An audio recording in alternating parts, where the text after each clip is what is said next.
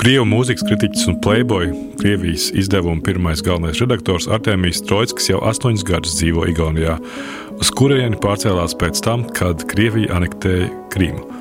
Tolaik savu lēmumu turpmāk dzīvot Igaunijas galvaspilsētā Tallinā, Trojskis skaidroja ar Krievijā valdošo histērijas, militārisma, agresijas atmosfēru. Viņš norādīja, ka pēdējā gadu laikā citādi domājošo cilvēku dzīvi Krievijā apgrūtina pastāvīgā kara propaganda televīzijā. Trojskis visus šos gadus pēc pārcelšanās uz Igauniju ir bijis viens no aktīvākajiem Kremļa politikas kritiķiem. Добрый день, передача Бульвар Свободы. Labdien! Esiet sveicināti redzamā Brīvības bulvārs. Pie mums studijā mūzikas žurnālists un mūzikas kritiķis Artemijs Trojskis, kurš kopš 2014. gada dzīvo Tallinā. Sveicināti! Здравствуйте! Labvakar, Gins! 2014. год был таком... 2014. gads bija tāds, ja tā teikt, savu veidu pagrieziena gads, kas daudziem tobrīd vēl nebija īsti skaidrs, kādā virzienā pasaule ir pagriezusies. Baltijas valstīs, manuprāt, bija skaidrs, uz kurieni tas varētu virzīties. Un jūsu lēmums aizbraukt no Krievijas toreiz bija saistīts tieši ar Krimas notikumiem. Vai jūs par to domājāt jau pirms tam? Nu, я думаю, что это было стечение обстоятельств. Nu, es domāju, tas bija apstākļu kopums. Tas ir tā, ka ir vairākas sastāvdaļas, kas dod vienu vektoru. Patiesībā es sāku domāt par aizbraukšanu pēc tam, kad ārkārtīgi sarūktinošā veidā noslēdzās 2011. un 2012. gada tā saucamā negluži revolūcija Krievijā. Negluži revolūcija, kā jūs to domājat? Jā, es ar to domāju revolūcija, kas nenotika, kas pēc tam tika pilnībā iznīcināta. Kaut arī gan Maskavā, gan Pēterburgā bija milzīgas demonstrācijas, daudz lielākas nekā vēlāk. Polotnoja laukumā, akadēmiķa Saharova laukumā un tā tālāk. Tur pulcējās 100, 150, 200 tūkstoši cilvēku. Tas viss bija ļoti jautri, taču beidzās pilnīgi ne ar ko. Nu, tad man sāk rasties domas par to, ka vispār Krievijā viss izskatās kaut kā diezgan bezcerīgi. Lūk. Un, protams, 2014. gada notikumi kļuva par pēdējo pilienu. Tāpēc, ka Krīmas aneksija un intervencija Donbasā, Austrumukrainā un visa šī neprātīgā impēriskā un militārā propaganda, tas viss, protams, man stipri atgādināja Padomju Savienību tās vissliktākajās izpausmēs. Un Padomju Savienībā es savulaik dzīvoju. Turklāt samērā interesanti. Tā skaitā šeit Latvijā kopā ar draugiem un kolēģiem mēs veidojām raidījumu video ritmi. Но уже до 14 года. Taču jau 2014. gadā jūs stāstījāt, ka bija uzsākt vairāk procesu, ko pret jums ierosinājusi prezidenta administrācija Maskavā. Jā, jā, tas bija 2014. 2011. gadā. Septiņas, bet man tika ierosināts septiņas prasības tiesā. Lielāko daļu no tām iesniedza mums labi pazīstamais Vladislavs Surkovs, kurš it kā ir arestēts tagad, vai it kā nav, joprojām nav skaidrs. Lūk, es tieši izlasīju viņu uzvārdu un atcerējos, jā, taču tas viss beidzās man labvēlīgi, jo tas bija 2011. gads. Tobrīd prezidents bija Dmitrijs Medveģevs. Tie bija vēl tādi veģetāriešu laiki. No septiņiem procesiem es uzvarēju piecos, Bet uh, es domāju, šobrīd viss būtu bijis pavisam citādi. Kādā mērā jums ir kaut kāda iespēja jau astoņus gadus dzīvojot Igaunijā ietekmēt tos krievus, kuri dzīvo Krievijā? Я думаю, что возможности у меня невелики. Es domāju, ka iespējas man nav lielas. Arī šai ziņā es neloloju nekādu ilūziju. Es cenšos kaut ko darīt. Kamēr Krievijā vēl pastāvēja brīvie mēdīji, es ar tiem visiem sadarbojos. Es visu laiku rakstīju rakstus, slēdzu laikrakstā Novē Gazeta, es rakstīju tekstus, blogus, Eho Moskvi, es pastāvīgi devu intervijas TV Dožs, vēl dažos citos kanālos un tā tālāk. Es vienmēr absolūti godīgi un drosmīgi esmu izteicis savu viedokli. Tā nu man nav ko sev pārmest.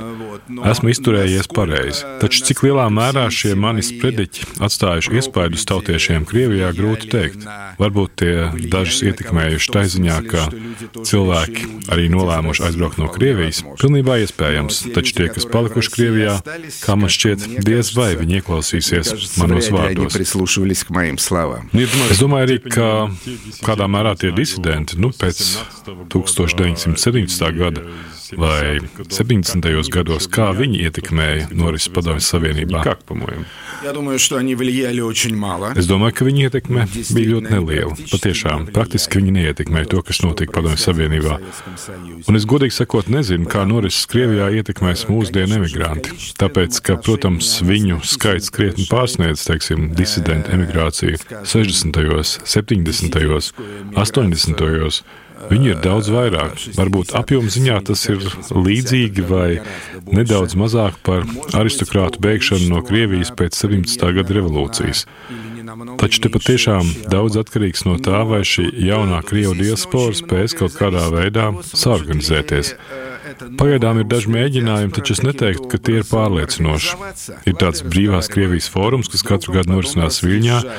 Un tas ir jauks pasākums, kurā satiekas pastāvošā režīma pretinieki, sniedz priekšlasījumus, sarunājas cits ar citu un pēc tam atkal aizbrauc. Es īpaši nestādos priekšā, ka šis uh, brīvās Krievijas fórums varētu atstāt kaut kādu iespēju uz notiekošo Krievijā. Es domāju, ka šai ziņā varbūt noderīgākas ir kaut kādas Krievu lobbyistu darbības, te pašā Vašingtonā, Briselē. Tādi cilvēki ir. Viens no viņiem arī arestētais Vladimirs eh, Karamurza, jaunākais, ļoti jauks, drosmīgs un efektīvs cilvēks, kuru jau divas reizes ir mēģinājuši noindēt, un tagad viņš ir ietupināts uz nezināmu laiku.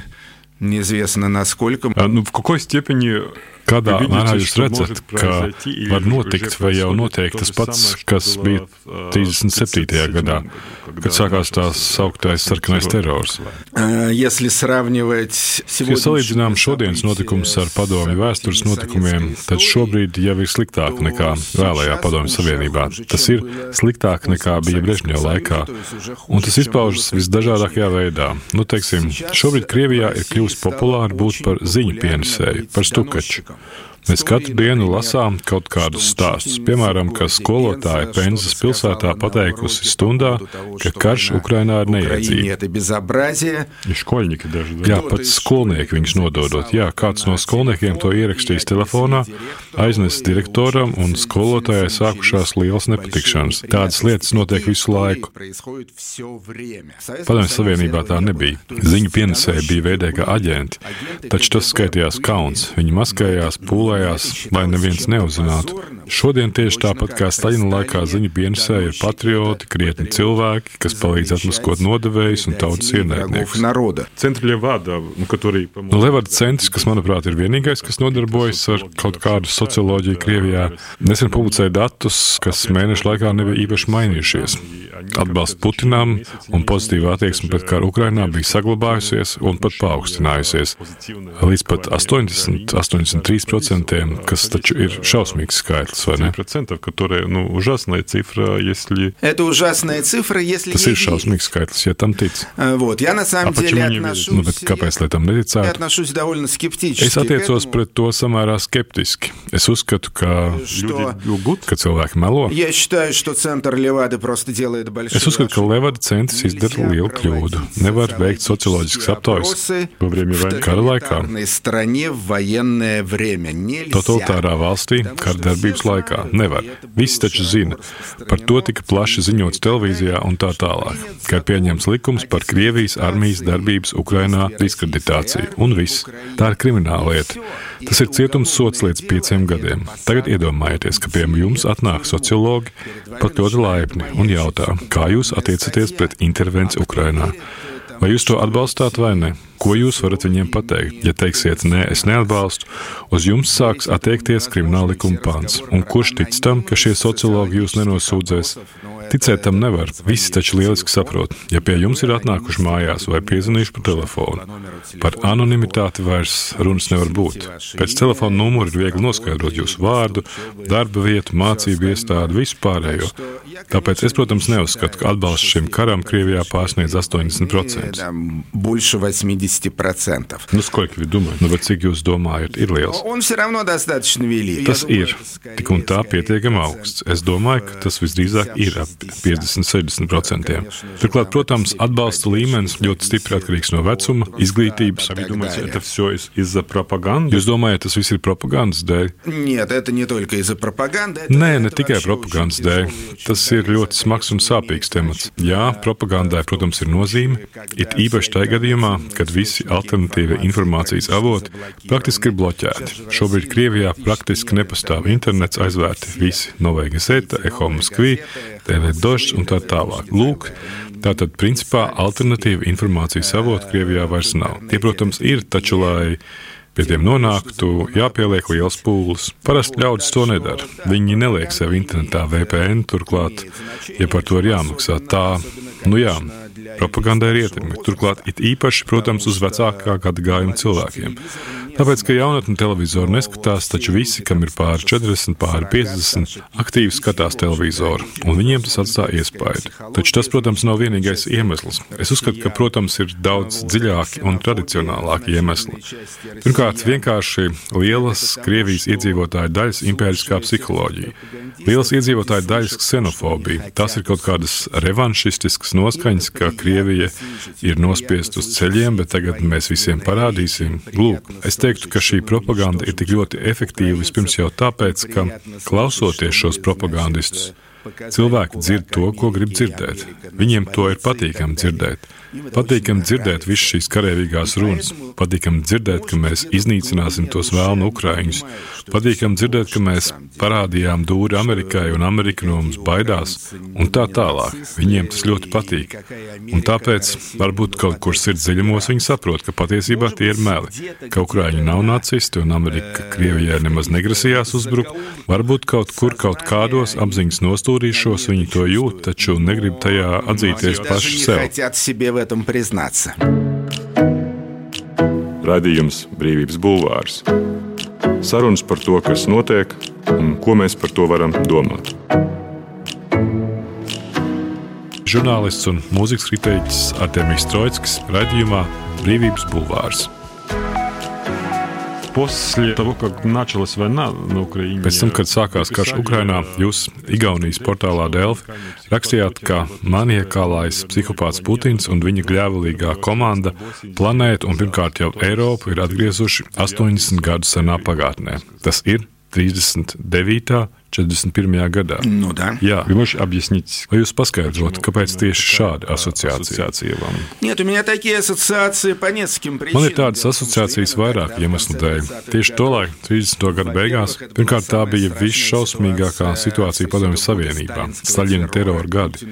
Līdz tam Putins, protams, vēl nav aizgājis, taču principā, acīm redzot, tuvojas šai praksē. No otras puses, protams, tas ir Hitlera laiks, otrā pasaules kara sākums, un šobrīd, kā mēs zinām, draudis sākt trešo pasaules karu, tas ir beidzamais un baidos visefektīvākais Putina ierocis. Jo viņš ir sapratis, ka Krievija nekad vairs nekļūst par cienījamu, respektējumu valsti starptautiskās sabiedrības locekli. Tā nebūs.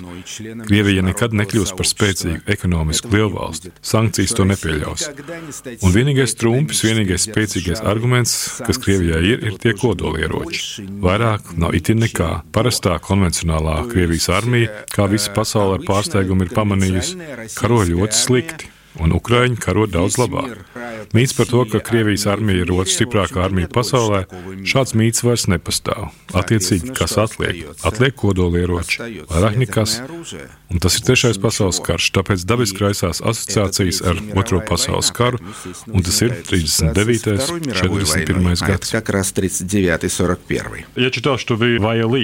Es lasīju, ka jūs intervijās Somu mēdījām Ile teicāt, ka viss virzās uz salīdzinoši ātru kara noslēgumu. Я, я лично думаю, что эта война долго не продлится. Es personīgi domāju, ka šis karš nevilksies ilgi.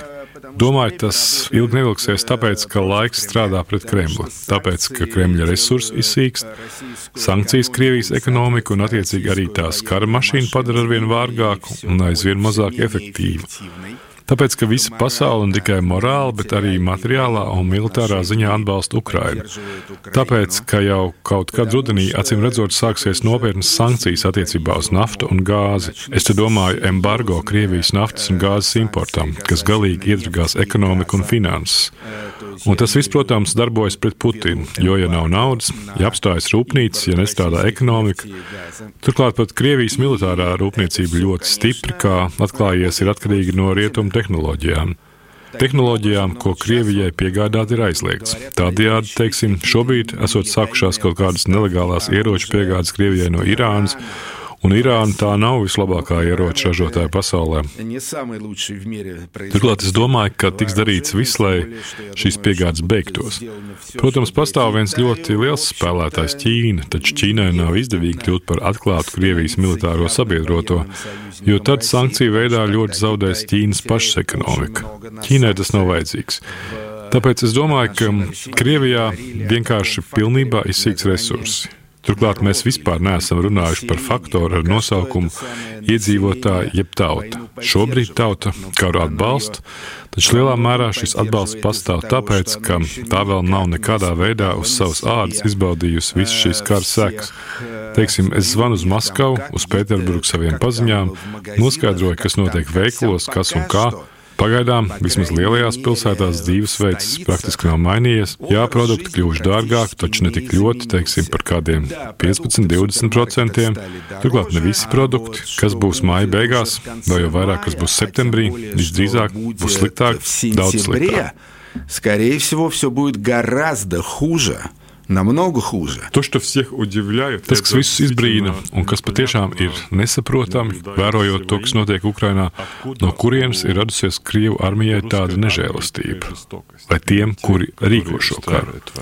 Ja tas ir tas pats jautājums, ko filozofs Hanna Arēna savulaik uzdeva pēc otrā pasaules kara, kad rakstīja grāmatu par to, kur tas ļaunums ir aizsācies, kur sākas ļaunums.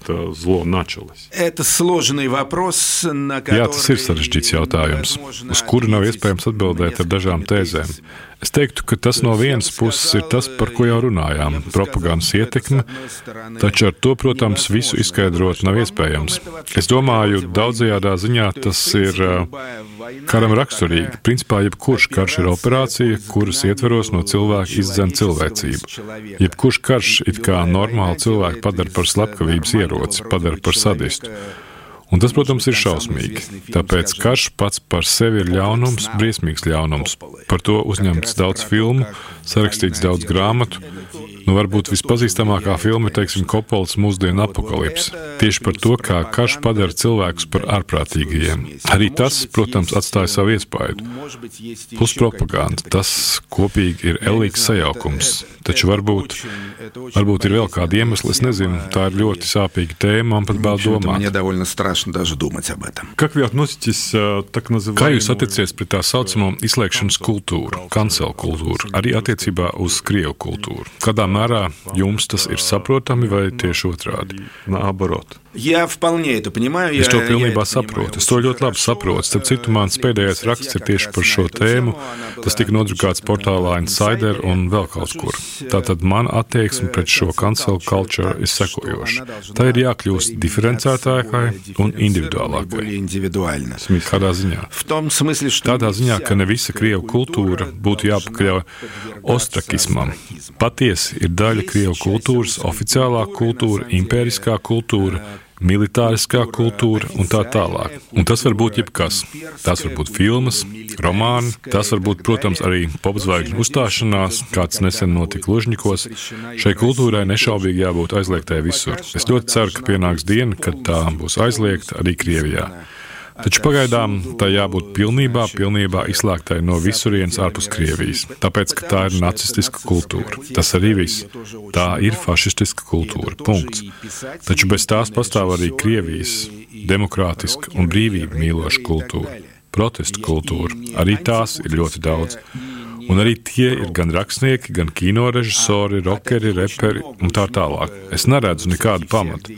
Turklāt tas būtu ārkārtīgi netaisnīgi, ka arī šī kultūra tika iekļauta pozīcijā izdzēst, kancel. Visgrūtākais ir tik galā ar to krievu kultūru, kas Nav ne tur, ne te. Nav ne pret Putinu, ne par Putinu. Tādas ir ļoti daudz. Kultūras darbinieku starpā ir ļoti daudz cilvēki, kas vienkārši klusē. Viņi vienkārši baidās izteikties. Tāpēc, ka no vienas puses viņiem negribas pazaudēt, teiksim, ārzemju auditoriju, no otras puses negribas arī zaudēt iespēju uzstāties Krievijā. Jo, ja viņi izteiksies pret karu, viņi tūlīt iekļūs kaut kādos melnajos sarakstos un viss. ar Dievu, televīzijas ēteram, ar Dievu kaut kādam valsts subsīdijām, filmu uzņemšanai, izrāžu veidošanai un tā tālāk. Viņi kā profesionāļi uzreiz kļūst par izraidītajiem, un viņiem tādā gadījumā vienīgā iespēja būs emigrēt. Tomēr ne jau visi grib emigrēt. Tā nu es šos cilvēkus saprotu, es viņiem jūtu līdzi. Tomēr es domāju, ka viņiem tomēr būs jāieņem sava nostāja - būt ar fašistiem vai būt ar civilizēto pasauli. Хотя я читал... Es lasīju ukrāņu rakstnieces Viktorijas Amēļinas rakstu, kas publicēts izdevumā Jurazīna, un viņa rakstīja, ka viss šī trauksme, ka Krievu kultūra tiek boikotēta, ka viss šī diskusija Ukrāņiem šķiet smieklīga, tāpēc, ka Ukrāņu kultūra nevis tiek izslēgta, bet vārds tiešākajā nozīmē iznīcināta. Это тоже можно Честно понять, говоря, что... я... Nu, godīgi sakot, es tam pilnībā nepiekrītu. Es vienkārši nesaprotu šo argumentu. Ukrāņu kultūra nav iznīcināta. turpināt. Tā turpinās. Turklāt tā pastāv gan Ukrainā, tā pastāv Ukraiņu diasporā Eiropā un Amerikā. Es personīgi pazīstu daudz mūsdienu Ukraiņu mūziķus, mākslinieks, kas rada šo mūziku. Nu, bet viņi taču visi karo. Daži no viņiem ir gājuši bojā karā. Nē, nu es neesmu dzirdējis, ka kāds no viņiem būtu gājis bojā. Daudz tiešām karo, bet tas taču nenozīmē, ka kultūra ir iznīcināta. Nē, tā nav iznīcināta.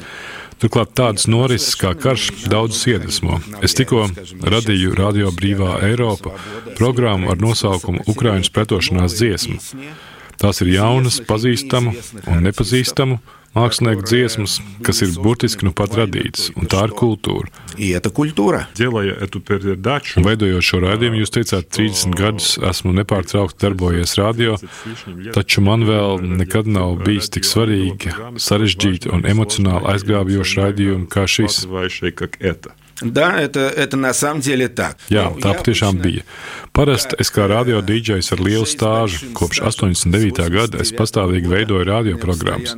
Es veidoju parastas muzikālas programmas ar mūziku, kas man patīk, par kaut kādiem māksliniekiem, ar stāstiem par viņiem. Tas viss bija ļoti jauki. Šīm programmām bija panākumi, taču tajās nebija nekā īpaši svarīga. Šajā gadījumā uzdevums bija ļoti sarežģīts. Es noklausījos ļoti daudz jaunu dziesmu, gan jaunu, gan vecu, un es patiešām izjūtu milzīgu atbildības sajūtu, jo zināju, ka mani ukrāņu draugi to dzirdēs. Man ļoti gribējās, lai viņi to dzirdētu. Šai programmai bija liela panākuma, to paņēma daudzas Eiropas raidstacijas, un pēcāk to translēja jau ar saviem komentāriem - čehu, holandiešu, somu valodās. На финском и так далее.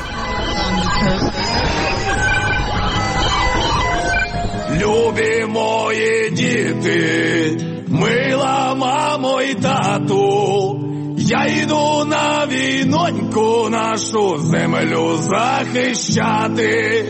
Не плачте за мною, якщо в полі згину, все віддам за любу неньку нашу Україну. Артемий Троицкий, программа «Музыка на свободе», радио «Свобода».